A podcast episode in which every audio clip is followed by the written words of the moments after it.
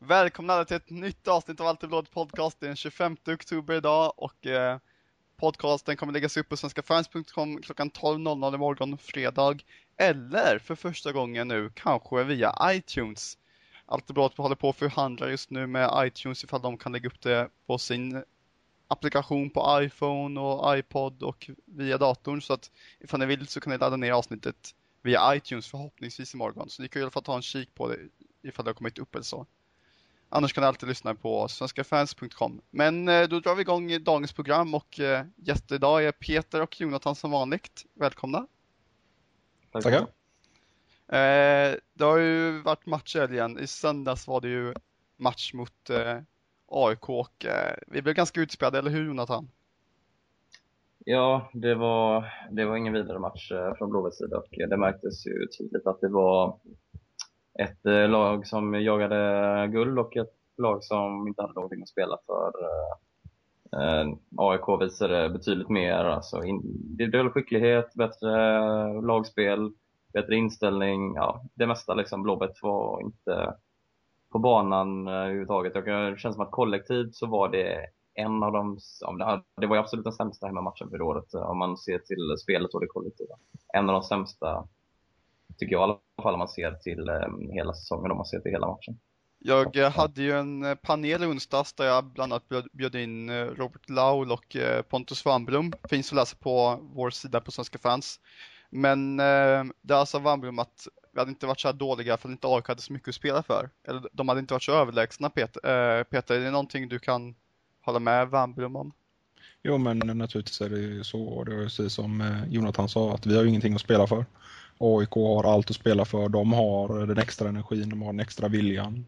Så att naturligtvis eh, spelar det in. Men eh, sen, alltså det var ju inte bara det som, som skilde oss i söndags utan AIK var ju tyvärr bättre på allt egentligen, känns det som.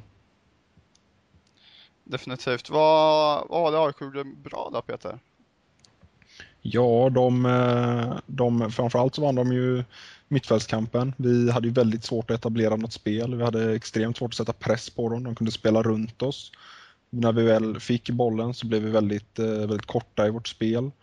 Eh, det gjorde AIK väldigt bra, stängde ytor, jagade oss något kopiöst vilket gjorde att vi fick inrikta oss mycket på försvarsspel och då orkade vi inte anfalla. Så att eh, de, de gjorde det bra i det mesta kan man väl säga. Och vi var väl, ja vi var numret mindre det var ju så att vi klev in i matchen nästan och gjorde den sämsta halvleken var ju i alla fall den första halvleken. Sen spelade vi upp oss en del till andra halvlek. Men eh, ska vi inte kräva mycket mer av Blåvitt eh, när, vi, när vi ändå, ändå har fått speltid i, i, till oktober månad efter en hel säsong, Jonathan?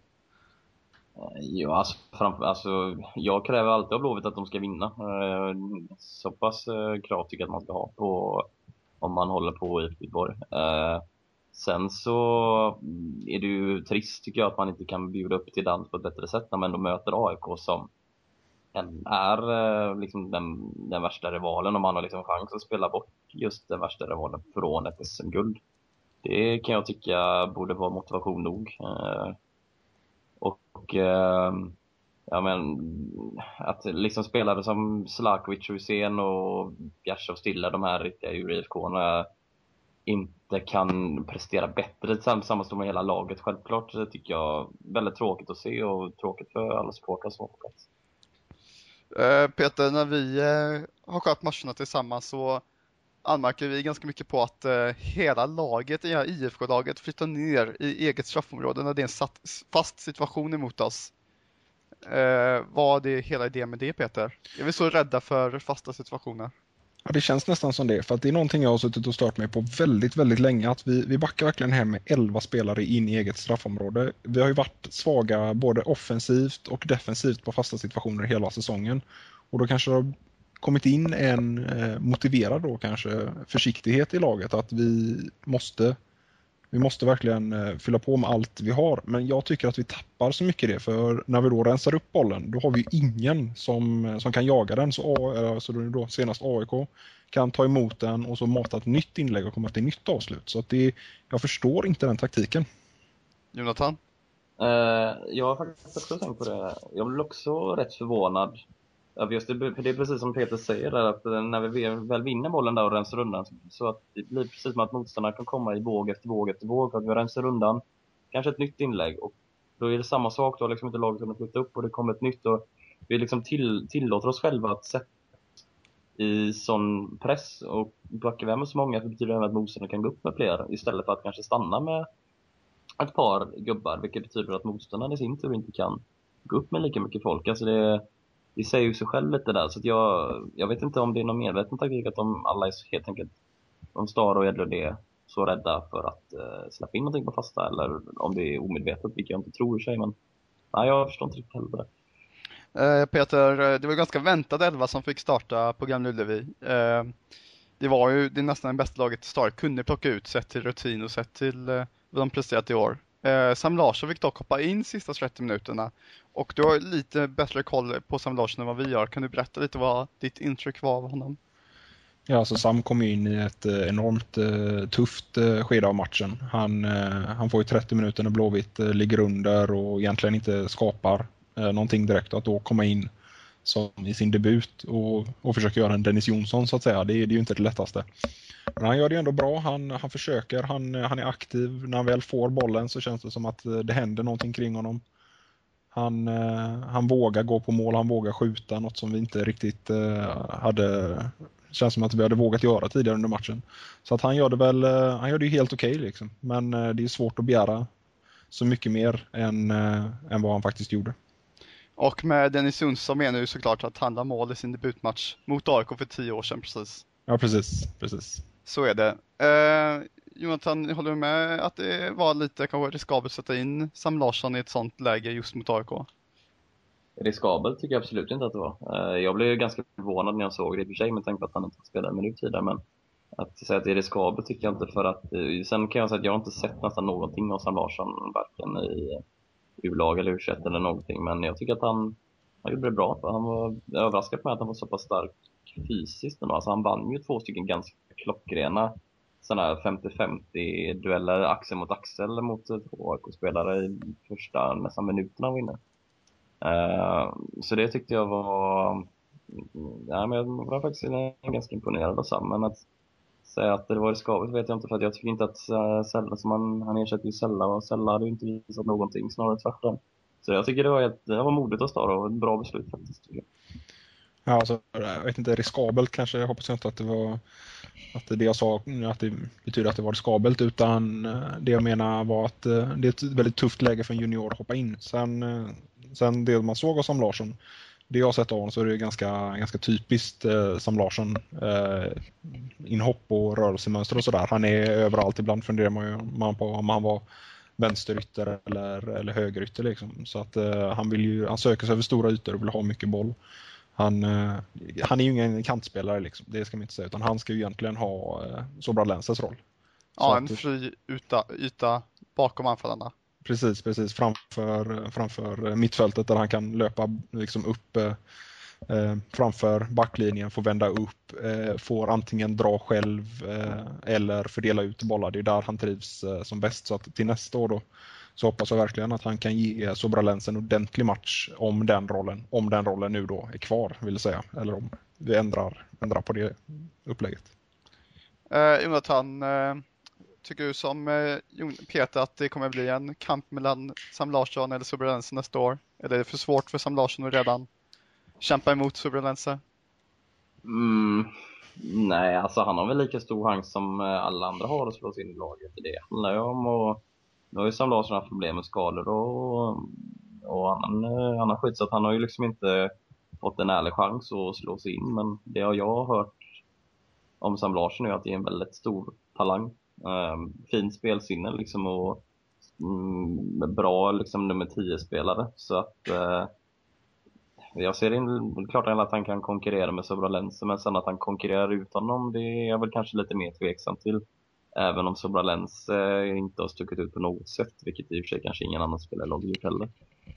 Han har ju varit väldigt ojämn har det ju känts som med Sobralense, definitivt. Ibland har det varit bländande som han var i slutet av sommaren men nu verkar han ha en liten svacka igen. Stille var inte så jätteövertygande i matchen mot eh, AIK när det var Per Karlsson och Niklas Backman där bak som kanske är två av allsvenskans bästa mittbackar Peter. Eh, betyder detta att vi måste vara inne på riktigt nu en forward nästa säsong? Ja, alltså även om Stiller hade gjort mål mot AIK, mot eh, Örebro, mot eh, Helsingborg och mot eh, Djurgården så det tycker jag fortfarande att vi ska värva in en, en forward. Så att även om Hannes hade gjort en enormt bra höstsäsong så är vi fortfarande för tunna på forwardsidan. Så att absolut ska vi värva in en anfallare till nästa år. Men det är ganska intressant ämne att ta upp också med Per Eriksson. Vad tycker just du om Per Eriksson? Gjorde vi fel i att inte gav honom mer chanser efter att han hade lyckats första säsongen i Mjällby? Ja, jag vet faktiskt inte. Det är väldigt svårt att, svårt att säga. Jag har alldeles för lite insyn i just eh, Per Eriksson-fallet. Det var ju väldigt tydligt väldigt fort med Stara att eh, Per inte var, var en del av hans lagbygge och då Alltså tror inte tränaren på honom så ska han naturligtvis inte vara kvar i laget. Det är väldigt simpelt för då kommer han bara gå omkring där och må dåligt och kosta pengar. Så då är det bättre att man blir av med honom så att säga. Även om man sen gör det bra i Mjällby. Så att eh, det är ju en, det är en helt fel scoutad värvning. Vi har ju bara kastat pengarna i sjön och sen gett bort honom liksom. Så att, men inför den här säsongen, tror inte Stare på honom så ska han ju inte vara i laget. Så kan man säga. Det, det känns ju, just det där med Stare kändes ganska tidigt klar med vilka som ingick hans plan och inte ingick hans planer redan innan han hade sett spelarna. Och det känns ju ändå på något sätt som att Pärlan visar ju ändå potentialen i Mjällby och han känns som en vad ska man säga, en bättre version av Stiller, man får säga så. Alltså, båda två är boxspelare, straffområdesspelare, men Pärlan känns liksom bättre över kanske lite större ytor än eh, vad Stiller är och även en snabbhet kanske kan hota lite djupled. Det känns ändå som att eh, hade Pärlan, Pärlan lite, det känns lite som Jakob, att få en, få en rätt självförtroende och liksom hade fått hänga några baljor i Blåvitt så kan, skulle han mycket väl kunna blomma ut i Blåvitt också. Så att vi har verkligen kastat både Pärlan och pengar i i sjön och jag, jag tycker det är lite trist att man behandlar den här situationen så som den har blivit behandlad. Men Peter, är det bara en bättre anfallare vi behöver för att eh, vi ska kunna lägga mål? För att jag ser ju på detta match, eh, matchfakta nu efter AIK-matchen och de enda, enda skotten som var farliga för IFK Sted, alla kom från Hussein. Mm. Eh, och det är ganska oroväckande, tycker jag. Alltså det får man ju tänka på också inför, eh, eller om man tänker på upptakten av säsongen och att Pärlan inte eller väldigt tidigt då, eh, att han inte skulle vara en del av, eh, av lagbygget. För det, det byggde ju kring Hussein lagbygget offensivt och då levererade inte han och då har, eh, har Stare fått tänka om kring det.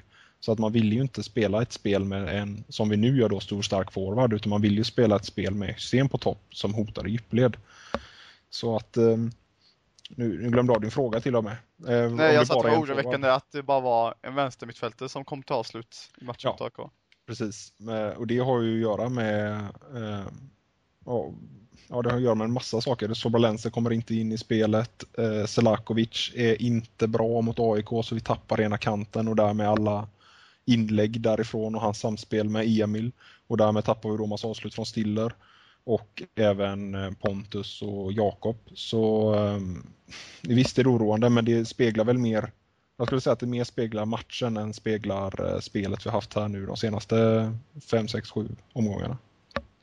Ja, innan vi lämnar AIK bakom oss eh, så ska jag bara säga att eh, AIK kan avsluta på mål med hela 8-2 på Gamla Ullevi och ett lag som ska vara framförallt starkt defensivt ska inte få komma till 8 avslut på mål på Gamla Ullevi kan jag tycka, vilket är en smärre skandal. Jonathan, du ville lägga till innan vi släpper AIK eller?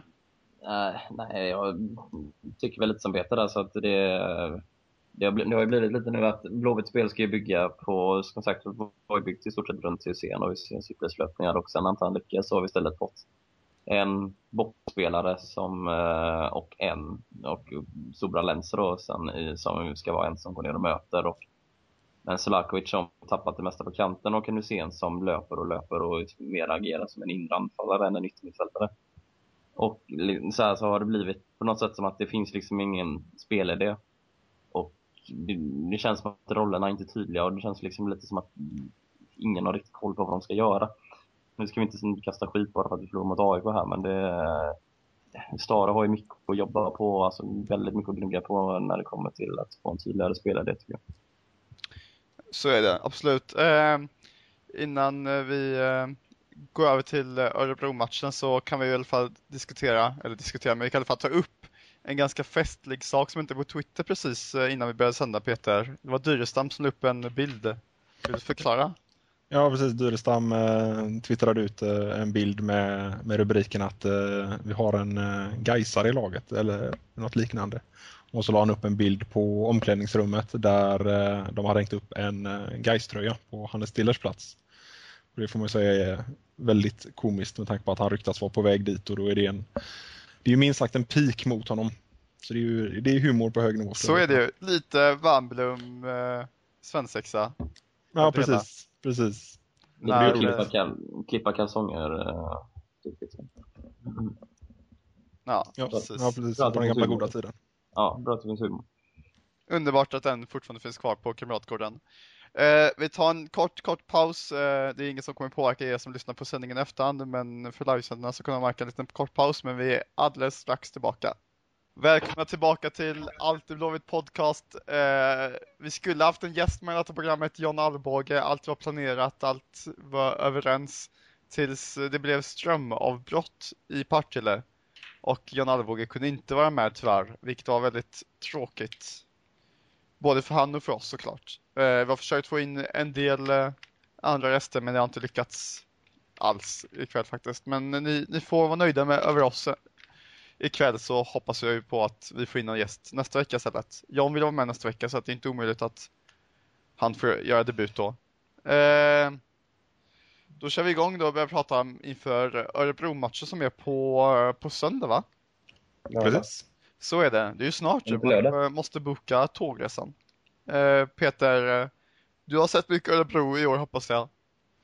Jag har sett väldigt, väldigt lite Örebro. Så är det. Men du har jättebra koll på laget ju. Vad tycker du om deras spel? Jag kan väl säga att jag har faktiskt enormt dålig koll på Örebro. Ja, men då kan i alla fall jag snacka lite om att de har en ganska... Eh, Jonas Sandqvist som var en av mina favoritmålvakter i Allsvenskan för jättelänge sedan. Han spelade i Malmö 2007. Jag har ju varit, jag har inte alls varit något bra i, i, i Örebro i år. Och jag har ju släppt in, är som en, eh, ja vad ska man kalla det, han släpper in jävligt många läcker som ett solly, skulle jag försöka få fram. Ja, han blev ju till och med uttagen i Offsides flopp 11. Tillsammans med bland- Kjetil Wähler Ja, och Tobias Hysén. Det är ganska intressant för att Kjetil Wähler skrev tillbaka till Johan Orenius och sa du kan inte så mycket om fotboll tydligen. nej, precis. Det var ju väldigt komiskt. Eh, frågan är ju hur, hur seriös han är i det där och hur ironiskt det är. Det är ganska svårt att utläsa men eh, jag tror han är, har en ganska stor portion självdistans i det där. Så är det absolut. Eh, Jonathan, tycker du att Kjetil Wähler och Hysén platsade på eh, floppelvan 2012? Eh, alltså, jag vet den där floppelvan kanske man ska ta med en nypa salt. Han har bland annat med Keba Ceesay som spelade, var det åtta matcher för Djurgården innan han stack till Lech Poznan nu och typ dominerat typ hela deras högerkant och ja, vad var det, någon mer spelare som bara spelat liksom en handfull matcher, Oremo som typ spelat en, alltså den, jag förstår liksom inte riktigt syftet med den och Hysén har spelat merparten av sina matcher från som vänstermittfältare och ändå gjort 13 poäng om man jämför med ja, Chelsea Borges var det de stod upp till forum som har gjort 11 poäng och Niklas Hult som har gjort 7 poäng så det så det, det där med flopp eller inte flopp det beror väl det är väldigt mycket ja. Sen kan man säga så här då att Kjetil är en landslagsback och alla hade skyhöga förväntningar på honom all rätt och han har inte motsvarat dem men eh, kalla han en flopp så vet jag inte riktigt om jag skulle göra. Alltså den där elvan handlar ju om eh, vilka förväntningar man hade på sig inför säsongen och vilken spelartyp man är. Så det är ju inte de elva sämsta spelarna i Allsvenskan, det ska man ha klart för sig. Utan Nej. det är ju de som har presterat sämst utifrån sina egna förutsättningar. Liksom. Jo, men han hade liksom med, och det var det han hade med Johan Oremo. Och jag menar, vad har Johan Oremo presterat de senaste fem åren? Och hade han några förväntningar på sig var liksom en Messias för Gävle. Det, och Kebba Ceesay likadant, var ju knappt tänkt som en Messias för Djurgården. Har väl inte varit direkt bra för säsongen heller. Så att eh, jag tycker man, den här proppen ska ta med en nypa salt. Ja, jag skulle eh, till skillnad från er fråga mig varför inte fler IFK-spelare fanns med i, i elvan. Han sa ju lite, lite cyniskt att eh, hade man gjort det enkelt för sig så hade man plockat ut 7-8 IFK Göteborgs-spelare. Det, det säger ju en del om, om säsongen får man ändå säga. Han är snäll, Ja. Johan Orenius. Han är ju lite ängel av sig, har jag hört. Ja, det tror jag faktiskt han är. Eh, Som jag har förstått det. Riktig, eh, han är riktigt kunnig faktiskt. Men nu ska vi inte snacka Johan Orenius, utan nu ska vi snacka Örebro-matchen och Aninge eh, är ju fortfarande kvar som mittback, Peter. Vem då sa du? Haninge. Haninge.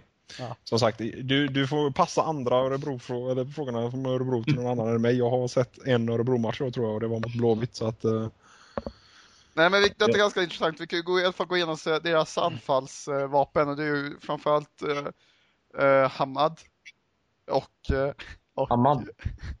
Haddad heter han, förlåt. Och eh, Jag har faktiskt sett lite Örebro, bara för jag har den här kanalen du vill oss att titta på fotboll. Och du säger det först nu? Ja, Ja, briljera. Take it away.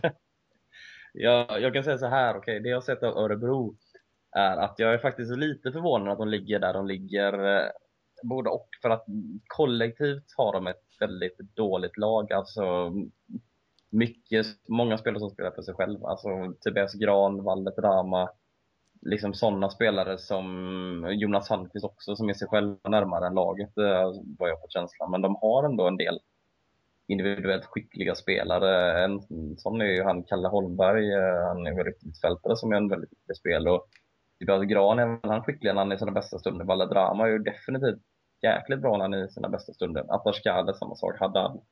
Så att det är, Örebro är väl lite, lite så här mysterium. Att det gick fel från början lite som i Blåvitt och de har inte kunnat balansera upp det sen. Eh, Det är lite den känslan jag har fått Örebro, för det känns som att det finns lag som egentligen är sämre än vad Örebro är, bara att Örebro har haft en säsong där ingenting har stämt. Absolut, och de har ju eh, Sixten Boström som var en av de mest respekterade coacherna i hela allsvenskan tidigare i år. Gick det ju inte alls bra i säsongsinledningen. Han fick ju sparken efter, eh, vad var det, 10-12 matcher utan, utan vinst. Ja, någonting sånt. Och vem är det som coachar Örebro nu? De har väl bytt återigen väl? Per-Ola Ljung är det. Eh, Helsingborg Stämmer. det stämmer. Det stämmer ju. och nu har de ju även värvat in eh, Axén. Mm. Fast han är ju inte, det är ju det ingen coach eh, i Axén ju. I Örebro. Han skulle vara spelare, spelarutvecklingsansvaret. Ja. Ja, Ja, precis. Han ska vara någon spelarutveckling och vara någon sorts liksom, resurs till huvudtränaren och sådär. Han har en lite oklar roll än så länge. Lite som Roland Nilsson var till honom. Precis. Hur mycket han åstadkom med, med guys vet jag inte riktigt. Ja, precis. Nej, det var, inte, det var inte mycket han gjorde. Det var mycket skriverier när han gick dit och så hände det ingenting. Nej. Guys ville ha lite publicitet, lite positiv publicitet kan man ju tänka sig. Eh, jo, det är ju så här att vi hade faktiskt inte planerat jättemycket Örebro-snack för att vi hade ju tänkt ha med Alvbåge och eh, han brukar vara ganska frispråklig och jag hade tänkt att han kunde briljera med Örebro. Men istället kan vi fokusera lite på vad Blåvitt ska göra för att vinna. Det är konstgräs, det är ganska lång bortaresa upp till Örebro. Peter, eh, hur viktigt är motiva- motivationen till sån här match? Alltså motivationen måste ju vara enormt svårt för, för Blåvitt en match som de här. Eh, Stare pratade idag om att eh, nu ser de bara till att, eh, jag vet inte om det fortfarande finns en teoretisk chans att vi får kvala. Eh, så nu handlar det bara för dem om att eh, liksom, plocka tre poängare. Det är ju den motivationen de har. Och det måste vara enormt svårt och jobbigt att verkligen kunna gå ut och köra, köra hårt för, eh, för att kunna vinna i och med att det är svaga borta och det är dessutom då konstgräs och sådär. Så det känns väldigt, väldigt svårt för Blåvitt-spelarna att motivera sig. Förhoppningsvis får väl Alvbåge och Gerzic igång gubbarna på vägen upp liksom att nu ska vi, nu ska vi slå vårt gamla lag liksom och tända dem på det sättet. Men nej, motivationsmässigt är det väldigt svårt. Eh, det känns ändå på något sätt som att Örebro borde ha ännu svårare motivationsmässigt med tanke på att de faktiskt åkte ur Allsvenskan eh, redan förra gången. Och då ställa om, liksom, har förmodligen haft en tung vecka och då ställa om och det har varit turbulens och det har varit klart att Tobias Gran ska lämna klubben och ditten och datten och det lär väl inte vara någon jätteuppslutning eh, från hemmafansen direkt så att just det med motivation så känns det som att Blåvitt borde ha en bättre motivation av de här av eh, lagen eh, på söndag. Eh, I alla fall känslan på förhand. Några Ja. spelare som bör ha ganska god motivation det är ju Samuel Larsson, Jonathan Asolaj och eh, David Moberg Karlsson bland annat. Joel Allansson är en sån spelare också som kanske vill visa upp sig ex extra mycket inför nästa år. Peter, eh, jag hade med i min panel när jag frågade Wernbloom och Laul ifall eh, IFK skulle starta med juniorerna så att de kunde få spela in sig till, till försäsongen och nästa säsong. Eh, detta var ju dock Wannblom ganska negativ till. Han ville ju att den bästa elvan skulle starta och att eh, juniorerna inte skulle ha någon förtur bara för att de är juniorer och oerfarna. Medan Laul tyckte att, eh, att juniorerna att, skulle få chansen att spela. Vad tycker du själv? Jag kan tycka själv att eh, juniorerna ska få mer speltid. Sen eh, vet jag inte om det är från start, men åtminstone eh, långa byten, alltså likt som Larsson får en halvtimme liksom, eh, i matchen. Från start, eh, möjligt, men eh, na naturligtvis ska de få, ska de få mer, eh, mer speltid än vad de har fått tidigare. Framförallt då, jag kan nästan utgå från att eh, Håkan Mild och eh, Stare har, eh, har redan nu koll på vilka av Stiller, Selakovic och eh, Jalmar som de vill ha kvar. Och då så ska inte de få så mycket, om de inte ska vara kvar i klubben så ska de inte få så mycket speltid så att säga och då kan man lika väl trycka in juniorer. Men sen, det är det vad jag tycker och tror. Sen är det väl en annan sak vad, vad jag tror att tränarna tror så att säga. Jag blev lite förvånad när jag läste det där Wernbloms uttalande om det, att Västerland ska spela. Jag, jag känner på något sätt att, vad är det som säger att Asulaj är en sämre fotbollsspelare än vad Nej men så sa han väl inte, måste ju reda nej, nej, han, nej, nej, fan, jag säger inte det. Men eh, jag säger liksom att han sa att bästa elvan ska spela och uh, jag, jag, ser, jag, jag, kan liksom inte se varför det skulle bli sämre med uh, unga, hungriga juniorer istället för kanske lite mätta, ja, alltså A-lagsspelare kanske Sella, Hjalmar till exempel, ska nämna som kanske är på nedgång. Då kan jag känna att det vore väldigt bra avstamp inför nästa år att och även för de här juniorerna får känna att de liksom är med och kanske kan nosa lite istället för att bara få spela lite några minuter då och då i en träningsmatch. eller kanske göra något kort två minuters inhopp liksom. Så att, eh, nej, det... Eh, ja, jag, jag är också lite kluven här, men det var kul att se någon eh, junior eh, få chansen absolut. Ja, det har varit roligt för oss eh, supportrar att få se de unga. Men sen tror jag att eh, alltså Star och Edlund är så att då Ska man spela i startelvan, då ska man vara förtjänt av den. Man ska inte få tid bara för att man är ung så att säga. Och Det kan även ha med, med deras psyke att göra, att de vet att jag spelar för att jag är bäst, inte för att jag är ung. Eh, och det, det, kan faktiskt vara en viktig, en viktig del i det, så att de känner att nej, jag, jag har krigat mig till den här platsen och jag är, jag är förtjänt av den. Så, så jag tror de kommer spela med, med så att säga den bästa elvan. Eh, kan, du har ju eh, intervjuat eh, Sam Larsson, Jonathan Asolaj och eh, DMK. Kan du eh, berätta lite vad du fått för intryck av dem, både utanför och på plan? Kanske?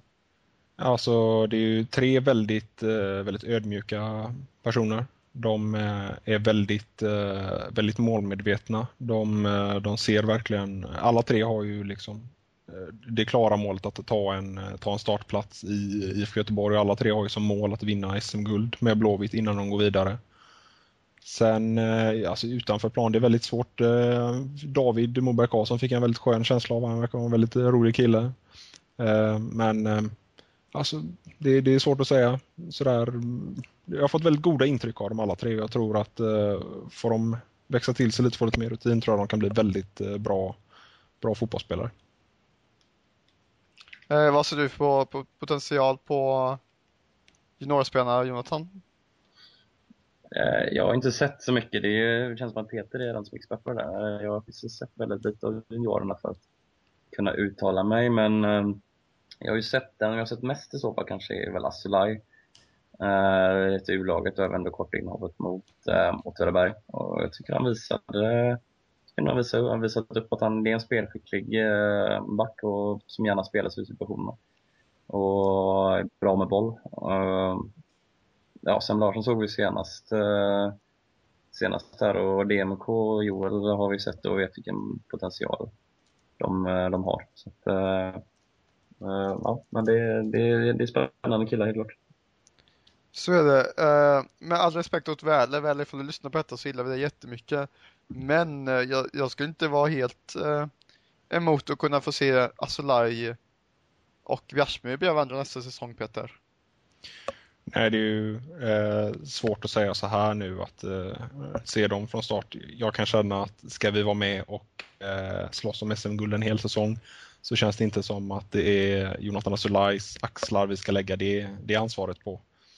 Eh, sen eh, alltså det är, det är extremt svårt att säga. Jag menar han kan komma in och så kan han vara, han kan vara topp tre i Allsvenskan liksom. Eh, samtidigt som att han kan komma in och så kan han göra en eller två dåliga matcher och sen så är han, ja, så, så är han inte alls lika bra som han skulle kunna vara. Så att det ja, det är, det är svårt att säga. Visst, nu är det ju roligt om man vill se honom, men jag vet inte om det är ett guldlag som han ska vara en del av en grundstomme i. Inte än. Nej, men jag tänkte mer jämföra honom lite med, med Kjetil Wädler, att det kan ju vara en som kommer att ta över hans roll.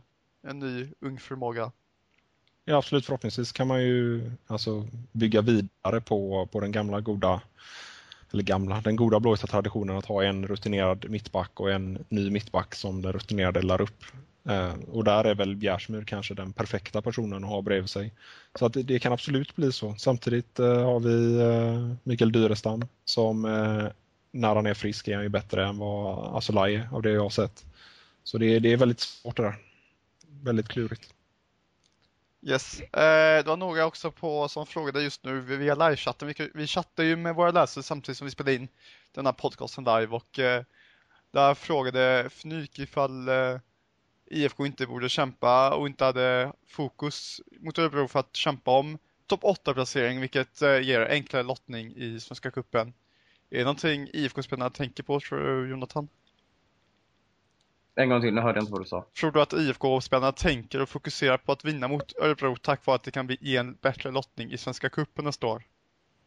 Ja, det är väl en, eh, det är väl en bra motivation i sig att eh, med det här nya upplägget att kanske kunna spela till sig lite enklare motstånd. Sen så vet jag inte om det räcker egentligen till motivation om man säger så då. För att om man nu ska vinna cupen ska man vinna mot alla lag. Då kommer, det, då kommer de att resonera i så fall. Så att eh, eh, men det, är, det är klart att det kommer säkert tas upp som en av motivationsdelarna men motivation kan jag tycka att det borde vara att det är kul att spela fotboll och att man vill eh, ge sina fans en, eh, bra avslutning. Det borde vara motivation nog kan jag tycka. Alltså just topp 8-placering och sådär, det är ju väldigt, eh, väldigt så att säga, tränarmotivation och supportermotivation.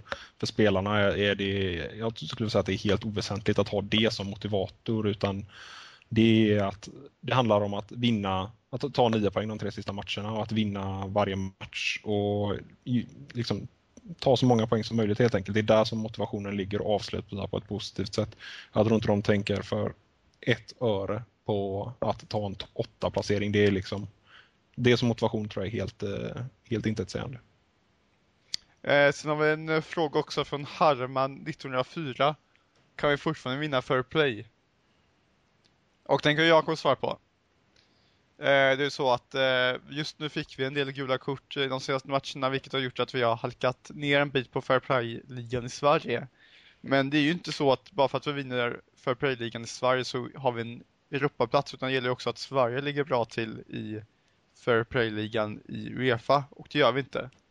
Så att det, ser, det ser inte ut som att vi får en Fair Play-plats in i Europa League oavsett ifall vi är det mest Fair Play-laget i Sverige. Vad ligger, vi, vad ligger Sverige på? Eh, jag har faktiskt inte i huvudet men när Henning tog upp det i, i, för någon månad sedan så då låg vi på fjärdeplatsen för mig. Ah, okay.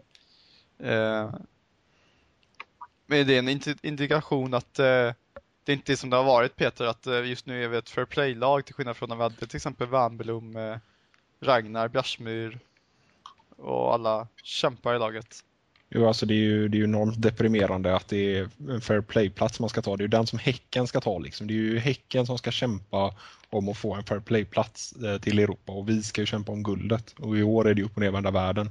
Så att jag, förstår ju, själv hoppas man ju också på att Blåvitt nu då tar en fair play-plats och får en extrem bakdörr in till Europa. Men eh, det är ju det är, det är tråkigt och deprimerande kan man väl säga. Sen är det väl lite så också att fair play-ligan är väl inte enbart för gula kort utan det är väl även, eh, är det inte för roligt spel och stämning runt omkring och ja, Offensivt spel tycker jag Svenska ja. fotbollsförbundet är jävligt roligt och det kan man ju ja. ha åsikter ja, men, om. Gävle ligger ju liksom i topp och uh, avgör de faktorer över den här också. Sagt, det är väl offensivt spel och liksom läktarkulturen runt omkring och hela det här köret liksom. Nej, läktarkulturen har jag tror inte jag någon. Det har det, har en liten betydelse. Det är, ja. Jag tror de delar ut 35 poäng maximalt per match och 5 poäng är, är om läktaren. Det är så? Och 10, och 10 poäng är om gula kort och 10 poäng är om positivt spel och ja. Att man uppträder eh, Mot domaren. bra mot domaren och liknande. Mot, eh, Jävlar. så även Jävlar, alltså, positivt. så om Mikael Stare skulle stå och skälla ut fjärdedomaren eh, efter noter varje match så hade vi inte legat så bra till kan man säga. Eh, IFK-fans 123 frågar vilka fler ungdomar är på väg upp till A-laget från U17 och U19? Eh, det är Den synd att du inte ta kanske. Den kan du ta. I alla fall jag kan ju säga att eh, de som tränar just nu med, med A-laget det är ju Hampus Zackrisson. Som, han har ju tränat sedan i eh, somras. Han spelar ju i, han spelar mycket U21 nu också. En defensiv mittfältare och han kan även spela, spela mittback. Lite av en Jakob Johansson typ kan man säga. Och sen är det även sen en tid tillbaka, nu ska jag se, Sebastian Olsson. Som är relativt ny i klubben, om jag inte missminner mig. Som är ehm, högerytter eller anfallare. Det är de två som tränar eh, regelbundet med, med A-laget. Så att de är väl så att säga just i nuläget eh, närmast att ta steget upp. Sedan vet jag att, eh, att nu har ju inte Tyresta fått någon speltid i U21, men jag vet att eh, Patrik Dyrestam, eh, Mikael Dyrestams brorsa, är väldigt talangfull också.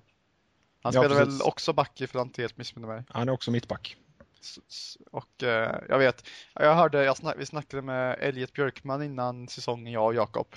Och eh, det är tydligen väldigt olika persontyper, eh, både på plan och utanför plan, Patrik och Mikael. Så det kan ju vara lite intressant att följa upp honom. Jonathan, det, det är ingen spelare som du har fäst dig på? Som inte har A-lagskontrakten? Alltså som sagt, jag, jag ska veta att jag kan nästan, alltså jag kan för lite om det här med, eh, med eh, U-lagsspelaren. Jag har inte aldrig egentligen följt det här med U-lag och sånt, även om jag är intresserad av, eller om det är intressant det här med eh, talangveckor och det. Men det, det är väl likadant där. Jag hörde att Patrik Dyrestam är en lovande, lovande spelare och det, så nej, jag får försöka sätta mig in i det här lite mer för att jag känner att jag är lite för svag. Nej, jag är med det faktiskt. Jag har inte heller följt mycket, mycket ungdomslag, men eh, var Jag ju ny, en liten var outsider ju också en ny skribent, ifall jag får bara prata färdigt. var ju en ny skribent på Blåvitt som heter Henrik Svensson som är specialist på U21 och han och Jakob kommer föra en väldigt intressant matchrapportering och rapportering generellt kring U21 nästa säsong. Det var ju synd att IFK åkte ut i ungdomssammanhang redan så här tidigt, men nästa säsong så kommer Alltid Blåvitt försöka ha så mycket fokus på ungdomslaget som möjligt. Så att eh, då får ni hänga med och då kommer till och med Jonathan kan sätta sig in i spelarna. Ja, absolut. Så är det. Eh, IFK Fans 123 frågar om Gustav Engvall. Precis, Och det var det ja, som jag hade tänkt plocka upp som en outsider. Världens bästa, vilken årgång han nu är i, enligt Erling på bara ben. Shoot. Ja, han är eh, 96 Han, eh, jag har faktiskt bara, jag har sett honom en gång spela bara. Eh, men han har fått, alltså som 96 har han redan, så att säga om man kan säga så, spelat, eller varit med och spelat tre u matcher i år. Och, och gjort det bra. Han anses, eller av det jag har hört så anses han vara kanske Sveriges mest talangfulla 96 så han kommer bli väldigt spännande att följa nästa år och se vilka, vilka steg han tar. Han är fortfarande så ung så att det kan ju gå åt, åt vilket håll som helst. Liksom en skada kan ju förstöra hela hans karriär och sådär. Men eh, förhoppningsvis, och det ska man ju alltid vara positiv, så kan det bli väldigt spännande att följa honom. Eh, eh, han har mål senaste matchen ifall jag inte missminner mig eller? Om man gjorde mål senast i U21. Eh, senaste matchen kommer inte just vara U21. Ja, senaste matchen han spelade var uh, U21-match. Då gjorde han inte mål. Han Var- inte? han gjorde ett inhopp. Okej, det har jag ju fått det helt om bakfoten. Det blivit så mycket. Och han blev 87 var Det helt stämmer, det stämmer. Han är Ölandskille. Jag fan vad jag gillar honom. Riktigt eh, god pojke ju. Färjestad kom han ifrån också. Där har man själv en sommarstuga så att eh, det är en riktig redepojk. Bra Mm. på innebandy den där också i Färjestaden. Eh, ja, Öland-kontraktet vi in på. Men eh, Helsingborg är det ju också innan eh, nästa podcast som vi spelar in nästa torsdag på onsdag. Nästa onsdag är det ju Helsingborg. Det är ju ett ganska tufft schema så här i avslutningen av allsvenskan. Eh, vad var att säga inför den matchen? De spelade ju Europa League-kval idag. Nej, det gjorde de inte. De spelade Europa League-gruppspel. Peter. Ja, precis. Så de eh, åkte på den med 2-1 efter mål i sista sparken av Hannover. Det var ju roligt. Ehm, Men eh, det, det är svårt att säga nu inför Helsingborg. Så där, det är ju ganska många dagar innan. Vi har match innan. Det kan hända skador. Det kan vara sådär. Men eh, Helsingborg borta brukar ofta vara en ganska, ganska rolig match. Sen är det ju svårt att motivera sig sådär enormt mycket nu med, med tre matcher kvar och ingenting, och, ingenting att spela om. Men eh, vad fan ska man säga om Helsingborg? De, eh, de har gjort det väldigt bra som har tagit sig till Europa League men eh, inte lyckats i Allsvenskan. Jonathan, eh, du har ju sett en del på Helsingborg kan jag tänka mig. Eh, nej, jag gillar att se allsvenska matcher överhuvudtaget. Och Helsingborg har ju fått en liten reaktion här från dem. Det år. De har ju kommit tvåa förra året och vann ju förra året som sagt. Så att, de har fått en liten reaktion där kanske i år. Ligger, vad är de ligger sexa tror jag. Så att, eh, men eh, det, är- alltså, det är ett skickligt lag med en jäkligt bra målvakt. Och, alltså, de känns ganska jämnstarka över hela banan även om kanske laget i sig har tagit ett kliv bakåt. Och de har ju tappade ju Finnbogason i somras, men de har ju å andra värvat värva Nikola Djuric som är, är en målskytt av rang han också. Så att, eh, det blir en tuff match och de är väldigt starkt inne i mitt fält i Mahlango och Gashi. Väldigt konditionsstark, så där blir det verkligen för Jakob och Fanerud att bekymra för. Jag hade en, en till tittarfråga och det var vilka ungdomsspelare i Blåvitt som spelar i ungdomslandslagen.